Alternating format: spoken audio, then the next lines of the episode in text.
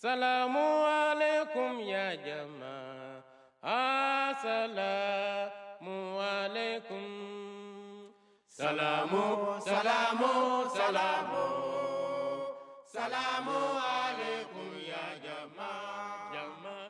Salamu alaikum ya jamaah. Assalamu alaikum. Warahmatullahi wabarakatuh, sobat Islamku keren di mana pun berada. Ketemu lagi dengan saya Syihab dan rekan saya. Oh, Muzaffar. Ya, kami kali ini Insya Allah akan berbincang-bincang lagi masih di bulan Ramadan, di akhir bulan Ramadan ya, Pak Muzaffar ya. Kita Iya, iya. Berapa hari lagi nih mau eh, Lebaran? Kira tiga hari lagi. Tiga- Lebaran. Hari lagi ya. Mm, Nah, tapi nanti pas, tiga hari. atau pas upload podcastnya mungkin udah udah Lebaran kali ya. Iya. Jadi Ya, memang sengaja. masih dalam Temanya pun beda kemarin, Pak. Gitu ya. Iya. Bro. masih dalam suasana pandemi, masih Mhm. dalam suasana Idul Fitri yang berbeda. Nah, eh, Iya. berkaitan dengan Lebaran, kita mau bicara-bicara, bincang-bincang mengenai Idul Fitri ya, secara eh, tradisi yang biasa kita kerjakan. Nah, yang- mungkin se- sebentar, Bro. Hmm. Kayaknya belum kenalin dulu nih siapa yang akan kita wawancara ini. Nah, iya nih, ada sesuatu yang spesial nih hari ini ya. Hmm. Eh, kalau kemarin sebelumnya kita udah bicara dengan teman-teman di India, di Tuvalu, nah sekarang di belahan dunia yang lain ya, ada bapak-bapak. Ini udah jadi mubalik, kalau mubalik ini masih sebutnya nih, belum ada. Mau balik. lah. Tahu Pak. Mau balik lanjutan. Mubalik lanjutan. Ya, ada para mahasiswa yang sekarang sedang masih menempuh pendidikan di Ghana, di Afrika. Ya, masih lebih jauh dari tempat yang kemarin. Ada tiga orang, ada Pak Halid, ada Fajar, dan Nasir. Pak Ya. Nasir. Ya, mungkin bisa perkenalan Ya. diri dulu, bapak-bapak sekalian. Silakan dari Pak Nasir dulu. Asal cabang dari mana? Ya, Assalamualaikum warahmatullahi wabarakatuh. Waalaikumsalam warahmatullahi Nama saya Nasir Ahmad Tahir. wabarakatuh. Saya berasal dari cabang Wanasigra. Nah, tingkat berapa sekarang di Ghana-nya? Tingkat akhir. Tingkat akhir. Wah. Alhamdulillah. Iya. Alhamdulillah udah menyusun tesis juga. Kemarin juga udah ujian akhir. Oh, Ya, sekarang ya tinggal menunggu wisuda saja, Pak. nah, nunggu sudah setelah corona kali. Mudah-mudahan. Iya. Mudah-mudahan gitu ya, coronanya cepat hilang gitu. Amin, amin. Iya. Amin, amin, amin. Terus mungkin Pak Halid, Oh saya duluan Pak. ya, Ya, ya boleh. Nama saya Khalid Mahmud Ahmad Pak. Hmm, Saya lahir di Lombok Timur, hmm. tapi sekarang masuk ke cabang Cisalada. oh di Cisalada. Kok lahirnya di Lombok ya? Lahirnya di Lombok Pak. Hmm. Jadi saya merasa berdosa kalau nggak bawa darah Lombok nih. Nih, orang Lombok, Siapa dulu? Cisalada. Sekarang kuliahnya di Ghana. Wah, luar biasa ini udah ke mana-mana. Tanya Allah. Alhamdulillah. Eh, Pak Fajar, Ya, Assalamualaikum. Nama saya Fajar. Biasa dipanggil Fajar. asalnya dari Jumat mana, Pak Fajar? Cuma Surabaya, Pak. Surabaya. Oh, Surabaya, oh. Oh, Surabaya, Jawa Jawa Timur. Timur. Hmm. Jadi dua Jawa Barat, satu Jawa Timur. Alhamdulillah. Ya. Oh, kalau nggak salah ada satu lagi kan ya yang eh, kuliah di sana yang hari ini nggak ikut. Mungkin bisa dijelaskan siapa aja boleh? Oh iya, Ya, itu namanya Marif di Medan. Marif, oh Marif Huta Barat dari Sumatera pasti ya. Iya ya, dari Oh, Sumatera. Oke. Ya, ah, kita mau nanya-nanya ini, bapak sekalian, ah, mengenai awal mula bisa menempuh pendidikan ke Ghana itu bagaimana nih? Jadi gini Pak, awalnya Hmm. kita kan lulus tuh ketika 2000 berapa? 16. 16 ya. Iya 2016 itu kita lulus dari Jamiah Ahmadiyah Indonesia. Belum ada pemberitahuan sih apakah kita lanjut ke luar negeri atau tidak. Tapi ada yang kekadian kan. Hanya syaratnya tadi yang kita tahu semua bahwa kandidat yang Hmm. harus menikah gitu.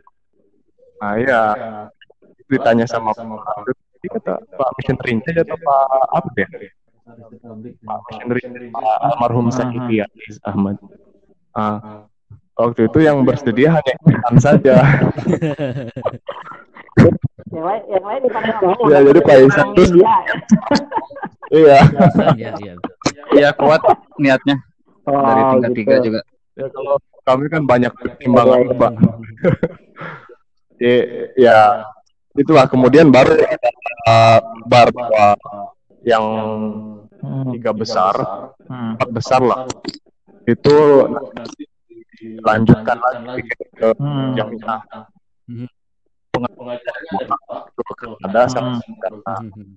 tapi yang tahu kami itu tidak negatif dan yang memberikan respon positif itu yang dari ya, Oh, Ghana, Pak. iya, iya, iya. sudah ada pemberitahuan seperti itu dibikinlah kelas khusus untuk pembelajaran khusus Hmm. untuk kami Hmm. bahasa Arab, bahasa Urdu, bahasa Inggris kayak gitu dan proses pembuatan paspor visa seperti itu. Jadi selama bulan September lah mulai September sampai November akhir November akhir kami nah selama saya itu di saat bersamaan kami juga belajar khusus bahasa itu tiga bahasa Urdu Arab sama bahasa Inggris akan belajar di sini Mhm. dan di saat bersamaan juga kami eh, urusin ini paspor visa segala macam kayak gitu. Kalau visa Oh iya. karena di Indonesia tidak bebas eh, Ghana ya di Jakarta.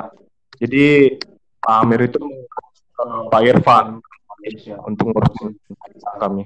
Hmm. Ini juga nih, saya penasaran. Pertama kali yang dirasa Sinyal di sini jelek. ketika menginjakkan kaki di Ghana itu gimana sih? Pak Pak Ras- Pak Nasir, Pak Nasir? Pak Nasir, Pak Nasir. Jadi kita ini di sini tinggal Hmm. bukan di ibu kota atau di kota besar gitu. Kayak di Oh. misalkan di Hmm. Indonesia, kan di Ah. Bogor dekat dengan Jakarta. Di sini Oh eh, gitu. pengalaman gitu juga, Dari Pak. ibu kota berapa Ya jauh? jauh lah. Ya, itu sekitar Oh. 2 sampai 3 jam, 3 jam lah. Nah, gimana nih Pak perasaan awal ketika sampai ke Ghana itu seperti apa? Iya, perasaannya ya kita ada Hmm. sedikit khawatir juga gitu. Beda-beda Pak ya. Beda-beda. ya kalau saya secara pribadi Hmm. merasa senang juga sih bisa pertama Hmm. kali pergi keluar Indonesia dan untuk membawa Hmm. nama Indonesia belajar di sini gitu. Suasana yang dirasakan itu gimana itu? Ketika melihat wow, ini tempat baru nih kan. Pasti ada suasana yang yang berbeda kan. Sama aja kalau waktu saya kan pernah ke Kalimantan dulu tugas. Waktu nyampe Kalimantan itu ya benar-benar eh, ngerasa sesuatu yang berbeda, jauh jauh sekali dengan Pulau Jawa kan. Nah, Yep. Apalagi di luar negeri gitu ya kan ceritanya kayak Afrika itu gimana itu melihat suasana pertama itu sampai di Afrika itu Fajar ngomong ya. Oke, Fajar sekarang boleh deh. Fajar. Deh. Jadi ya Yang pertama panas ya. panas Sama pak. Indonesia? Pak Fajar. Wah panas Afrika pak. Jadi pertama kali turun dari apa Mhm. eh, pesawat kami naik mobil ke Hmm. markas. Eh, pas di jalan itu keringat semua. Saking panasnya itu di dalam mobil. Aduh. Hmm. Berapa derajat. Pak itu rata-rata suhu di sana? Ya sama sih sebenarnya kayak Indonesia cuma lebih tinggi dikit. Iya 30-an. Cuma karena nggak banyak pohon Pak. Ah, Karena iya. nggak banyak iya. pohon di sini tuh jadi panas Iya, rasanya iya, tuh. iya. Bayang. Iya dan memang kalau sore itu matahari terlihat lebih dekat di sini Oh. kok kayak besar matahari itu. Kalau di sini kelihatan matahari juga besar tuh, tapi ada AC-nya. Ya. Matahari departemen store. Nah ya Pak, di sini nggak ada AC Pak. Di sebuah orang. Di sini Pak bahkan di bandara dan iya bahkan di bandara pun nggak ada AC, nggak ada WiFi Pak. Jadi kita pas awal datang itu wah kerepotan oh. banget. Apalagi kami kan eh, apa ya surat Oh. undangan Hmm. invitation letternya itu lupa kan Pak ya. Jadi Hmm. tidak terbawa invitation let- letternya itu. Nah ketika di bandara sampai di bagian imigrasi itu kami dipermasalahkan. Ketinggalan karena di mana itunya, bawa invitation letter. Kayaknya di Indonesia, Pak. Iya, kami tidak diingatkan bahwa invitation letter, letter itu Oh, harus wow, dibawa. wow. Jadi pas nyampe di bandara itu ya sebenarnya bukan kami aja sih, banyak Oh, juga gitu orang-orang yang lain. Orang Cina itu banyak gitu, Pak, orang. Cina banyak di mana-mana berarti ya. Nah, orang Cina ini lebih parah. Mereka udah nggak bisa Hmm. bahasa Inggris, Pak. Udah nggak bawa surat-surat kelengkapan. Hmm. Jadi mereka udah Oh. makin parah lagi tuh masalahnya. tuh. iya, iya, iya. Makin lama ditahannya. Tapi kami karena kami bilang oh kami dari Ahmadiyah nih, kami datang ke sini untuk belajar Hmm. kata kami gitu kan. Karena kami tahu kan hubungan Hmm. jemaat Ahmadiyah Hmm. dengan pemerintah Ghana itu bagus. Nah, jadi ya udahlah kami bawa-bawa nama Ahmadiyah lah di situ. Nah, mereka awalnya tidak mau mendengarkan. Pada akhirnya ya ya udah sini ikut saya kata mereka tuh. Wah, kata kami, wah ini alhamdulillah karunia Allah Hmm. taala gitu Hmm. kan. Akhirnya diberikan apa jalan juga gitu biar bisa keluar dari airport. Ternyata pas setelah dicek kelengkapan apa segala macem sebelum kami keluar dimintain duit. Ya berarti ya. Iya, karena itu, karena sama aja, Pak. Karena invitation letter itu nggak ada, nggak bawa. 50 dolar. 50 dolar, Pak, per orang. Waduh. Oke. Baik. Eh, ini kayaknya belum pernah kedengaran cerita kayak gini nih. Kalau Iya, iya. kita ke sana itu mulus aja, lancar aja. Hmm, hmm, Ternyata kita dengar ada cerita yang seperti itu bahwa ada kelupaan eh, apa namanya invitationnya, kemudian hmm. Dimintain duit juga ya. Mungkin saya mau tanya nih, nanti eh, rekan-rekan kita di, di Indonesia juga pengen tahu kesan pertama ketika bertemu dengan orang yang baru di sana. Ya kalau kita kan biasa misalkan ketemu dengan orang luar kalau datang ke Indonesia, oh Indonesia ini ramah segala macam. Nah kalau ketika bapak ini ke sana, sampai di Ghana, kesan pertama mengenai orang di sana bagaimana? Kita jawab masing-masing, Pak ya. Ya, karena beda-beda kan masing-masing. Ya kalau Coba dulu, bebas. saya nih, saya dulu ya. Ya boleh Hmm. boleh. Kalau saya sih emang sebelum datang ke Ghana tuh emang sudah excited banget untuk ketemu orang baru. Hmm. Meskipun banyak orang yang bilang, oh nanti kamu di Afrika kayak gini nih, nanti panas, nanti sulit makan, segala macam. Saya mah nggak pikir. Hmm. emang udah semangat banget gitu untuk bertemu orang baru. Hmm. Jadi emang secara keseluruhan sih orang Ghana itu ramah gitu ya, Hmm. dan suka ngajak bercanda gitu. Hmm. Yang bikin kesel itu aja sih yang di bagian imigrasi. Duit itu ya. Iya. 50 dolar. Lumayan. Ada kesalahan pribadi juga kan itu ya. Ya bawa invitation letter itu masalahnya. Iya, sebenarnya kami nggak nggak dapat informasi sih bahwa kami harus bawa surat itu gitu. Mhm. Oh. Sebenarnya surat-surat yang lain, pendaftaran ke jamiah, kemudian eh, cek medis kayak gitu, itu sudah kami bawa semua, Bang. Cuma itu aja sih ya, ketinggalan. Mhm. Ya, ada kesalahan Biasa pribadi sekali juga lah. Ya, sudah terima. Walaupun dengan agak sedikit ini ya. Gondok, Pak. Lumayan 50 dolar bisa beli apa? Bagus, Pak. Mana yang wah, uang kan segitu-gitunya gitu. oh, Nah, kalau Pak Fajar gimana? Ininya, kesannya. Iya, pertama kali datang ke sini, eh, melihat orang-orangnya kan baik-baik semua. Dan mereka bedanya suka salaman. Bicara-bicara ini, ketawa-ketawa, salaman. jadi banyak salamannya ya. Suka Ada salaman ya? Doyan banget salaman, Pak. Ya tiap kali ketemu orang. Oh, Dan sepertinya hobi, Pak. atau kalau musim musim covid sekarang tersiksa sekali ya. Wah, iya. Nggak boleh salah. Iya, Tersiksa, Pak. Eh, betul. oh, lucu, lucu, lucu. Kalau Pak Nasir gimana? Kesannya nih. Awal mula Pak saya merasa segan Pak ketemu orang-orang Afrika. Segan Ya secara langsung kan hanya lihat di TV-TV saya gitu Pak. Ya Oh, sekarang ah. lihat langsung, waduh di sini kan sekarang kan. Ya awal Hmm. awal mula sih ya segan gitu.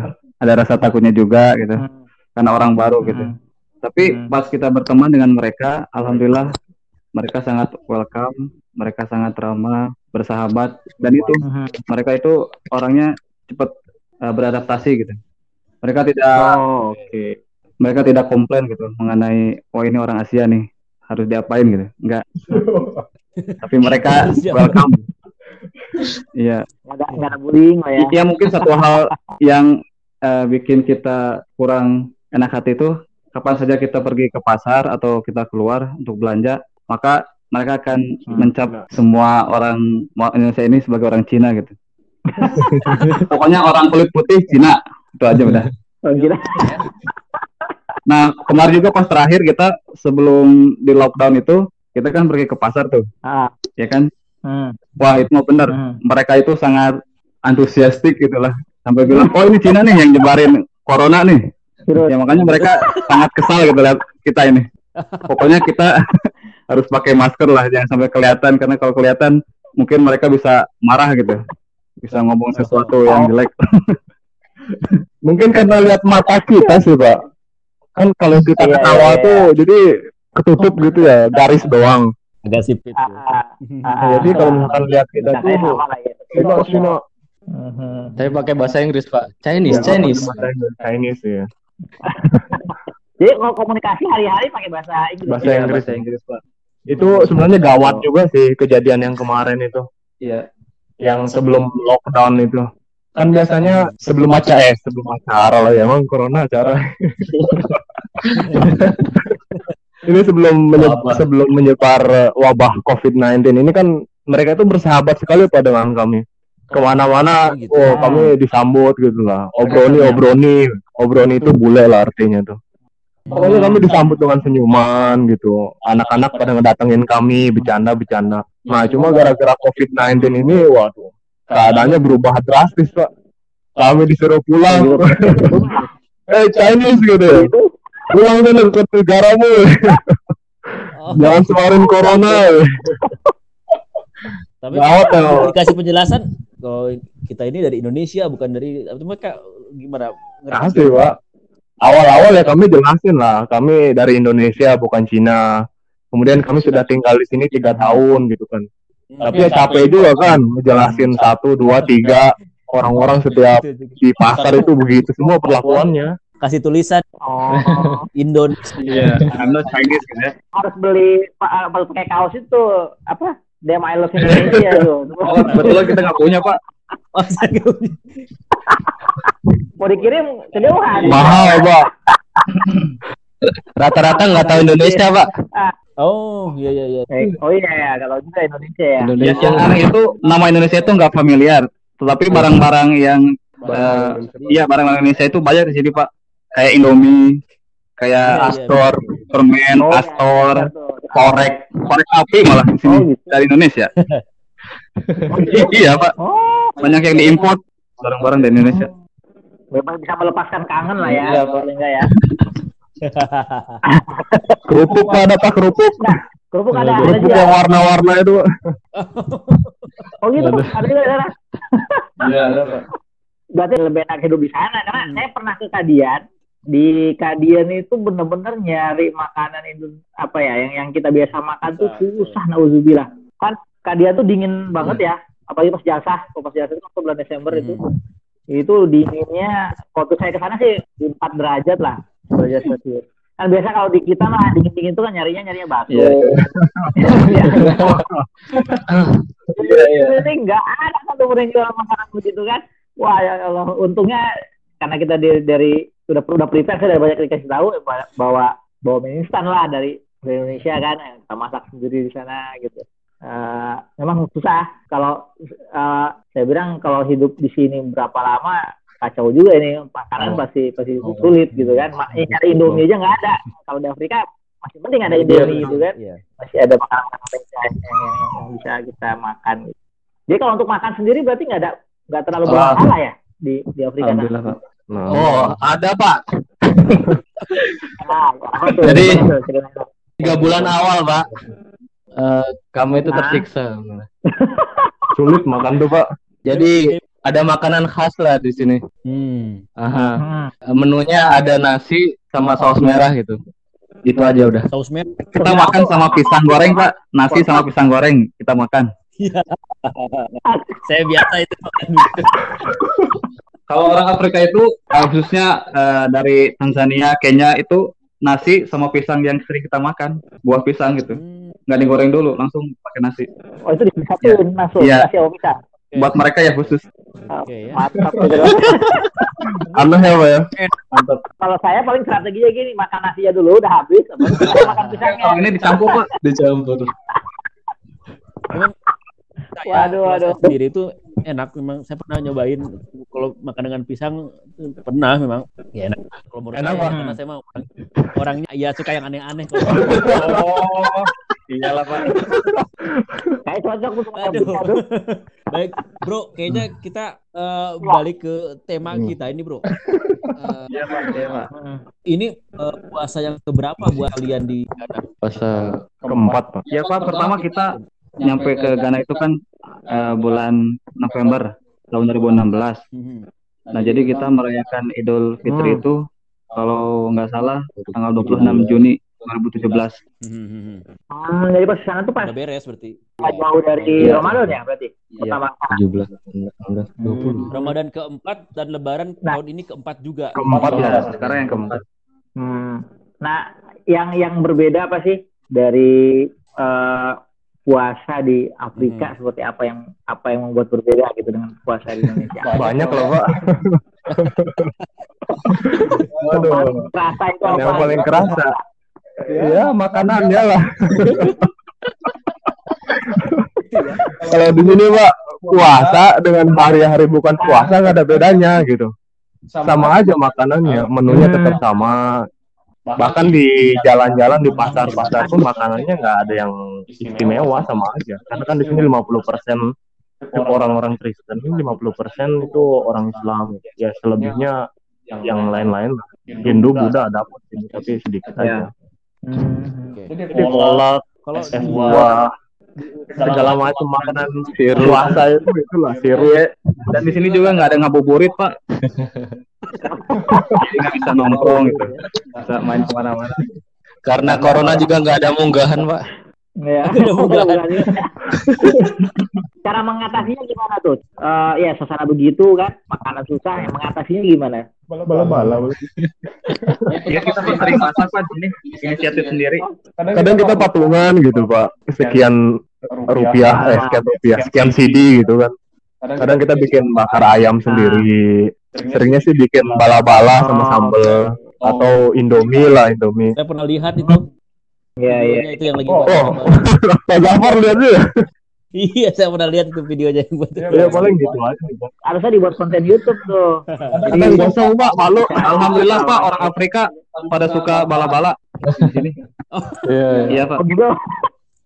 Bisa bisa bisa buat iya, usaha iya. ya. Kalau keras kalau dibuat usaha. Oke. Tapi sayuran mahal di sini pak, karena nggak Oh, ada sawah, gitu kan, nggak ada kebun.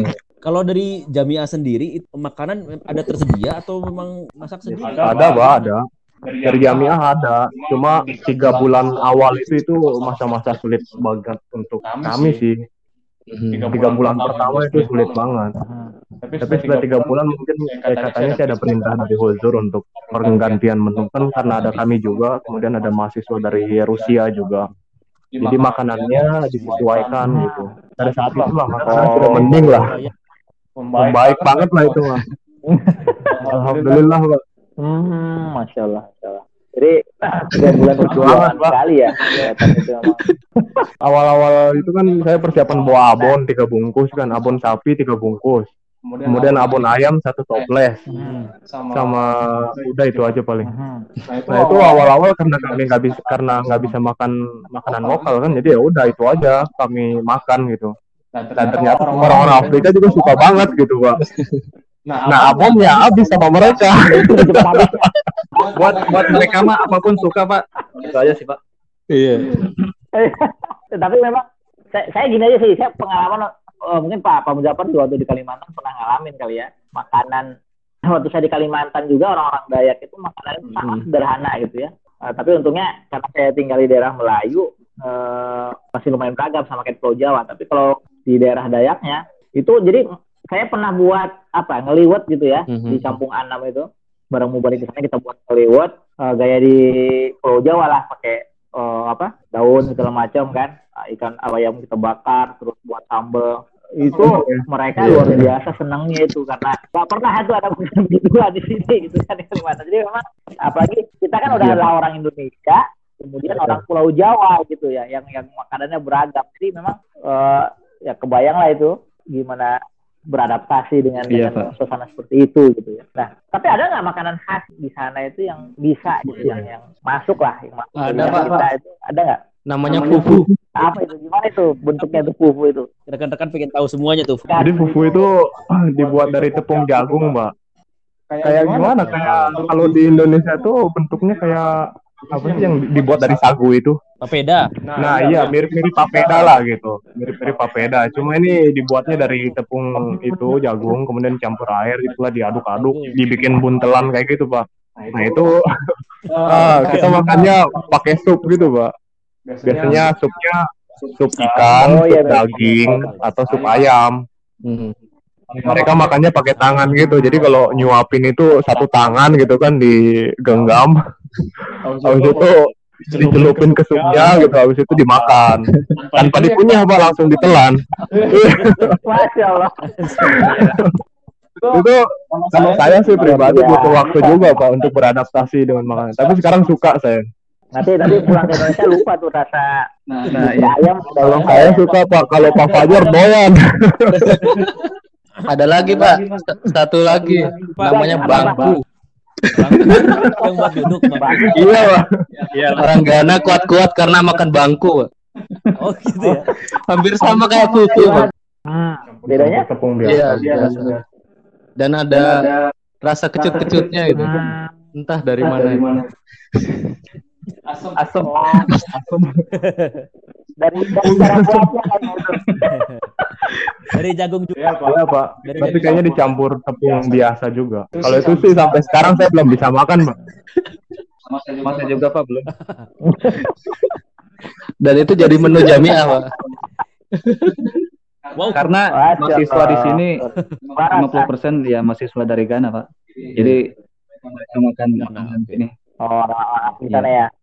Eh, Eh, Hmm. eh, baik ke Idul Fitri lagi nih bro. Eh, nih, dan teman-teman mahasiswa kita di sana nih, eh, ya berlebaran kan Indonesia itu kental Hmm. sekali ya suasana Lebaran itu sangat kental gitu dibanding negara lain itu. Bahkan mhm. orang Kadian sendiri bilang kalau kekentalan tradisinya Indonesia jauh jauh lebih kental gitu. Nah, apa yang paling dikangenin dari Indonesia Ayo. sendiri? Eh, Masir, siapa? mungkin dari Pak siapa dulu? Pun akhir dulu. Eh, yang paling dikangenin dari Indonesia sendiri apa sih dalam hal lebarannya ya, dalam memperingati Idul Fitri? Atau mungkin iya, Pak. bentar, Bro. Bisa kita tanya Iya. dulu kalau di sana ada nggak tradisi yang khusus gitu? Lebaran. Tidak ada ngabuburit, malam takbiran, apalagi ya. Bukber nggak ada ini Pak. Nggak ada. Nggak ada ya. Sama aja sih pakai hari biasa.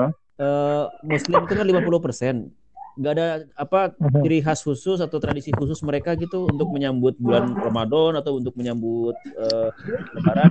Mungkin karena kami di jamiah gitu pak ya, Iya. jadi tidak bisa menyaksikan bagaimana kehidupan masyarakat biasa. Tapi kalau misalkan saya tanya teman-teman yang dari Ghana sih nggak ada yang spesial juga sih biasa aja ya paling tadi makan bangku makan fufu kayak gitu iya itu makanan spesial mereka pak kalau acara-acara pernikahan nah itu makanannya Iya, itu betul. Tapi kalau bilang-bilang berbeda wah total pak berbeda total Saya yakin banyak yang dikangenin kan, cuma pasti apa yang paling dikangenin dari suasana lebaran Ya kumpul keluarga sih Pak. Iya ya itu paling utama. Ya karena sekarang juga kita nggak pada bisa nih kumpul keluarga. ya karena di rumah kan bisa ini bisa makan makanan orang rumah, makan Indonesia gitu. Itu aja sih Pak. Mhm. Kalau Pak Adit, iya sih pak. Sahur sama buka puasa bareng keluarga itu yang paling dikangenin mah. Paling dirindukan. Kemudian ya ketupat. sih ketupat. Bayangkan pak tiga tahun lebaran tanpa ketupat.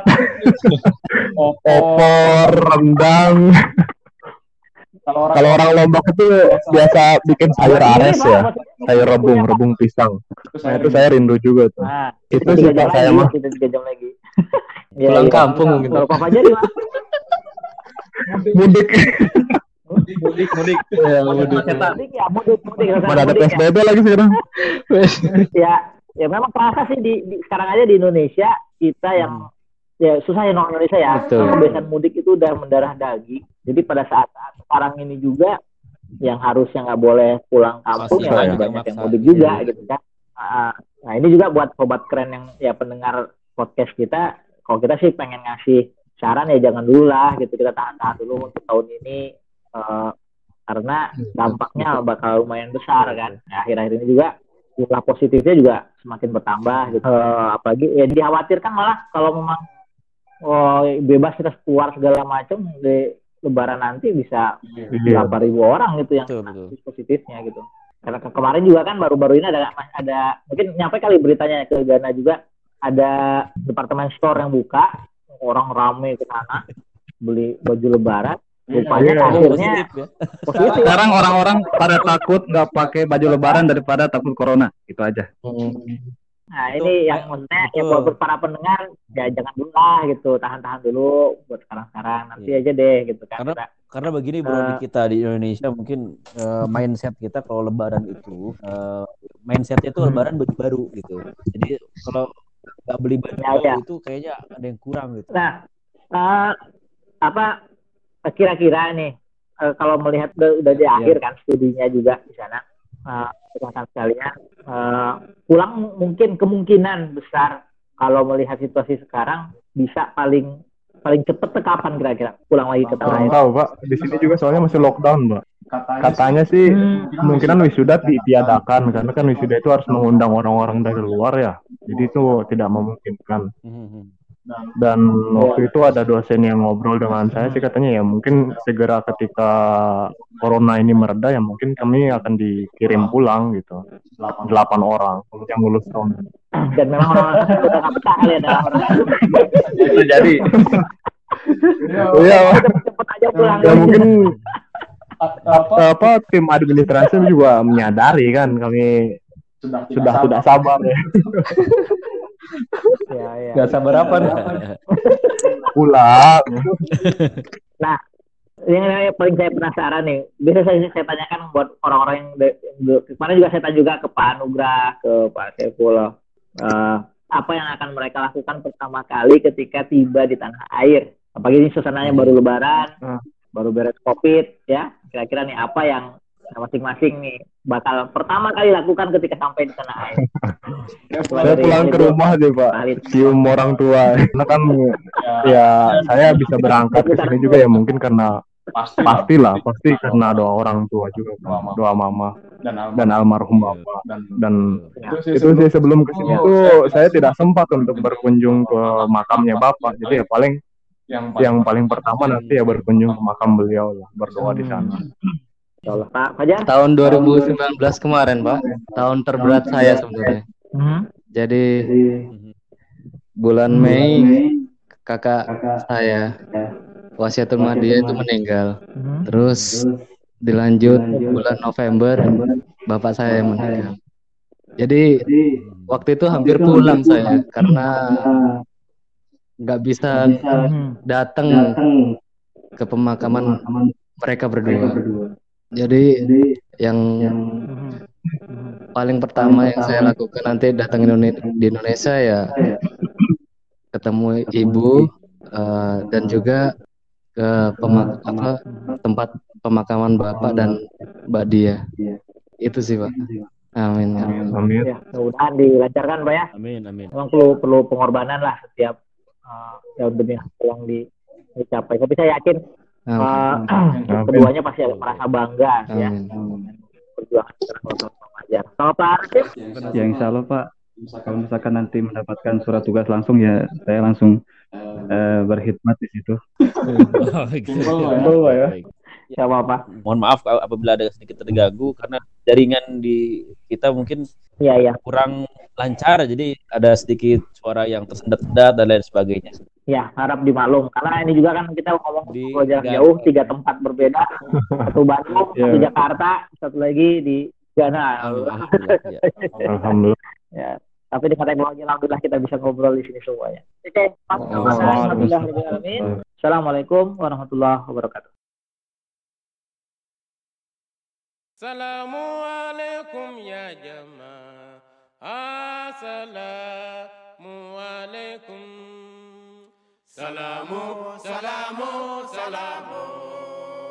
Salamu alaikum ya jamaah. Jamaah. Salamu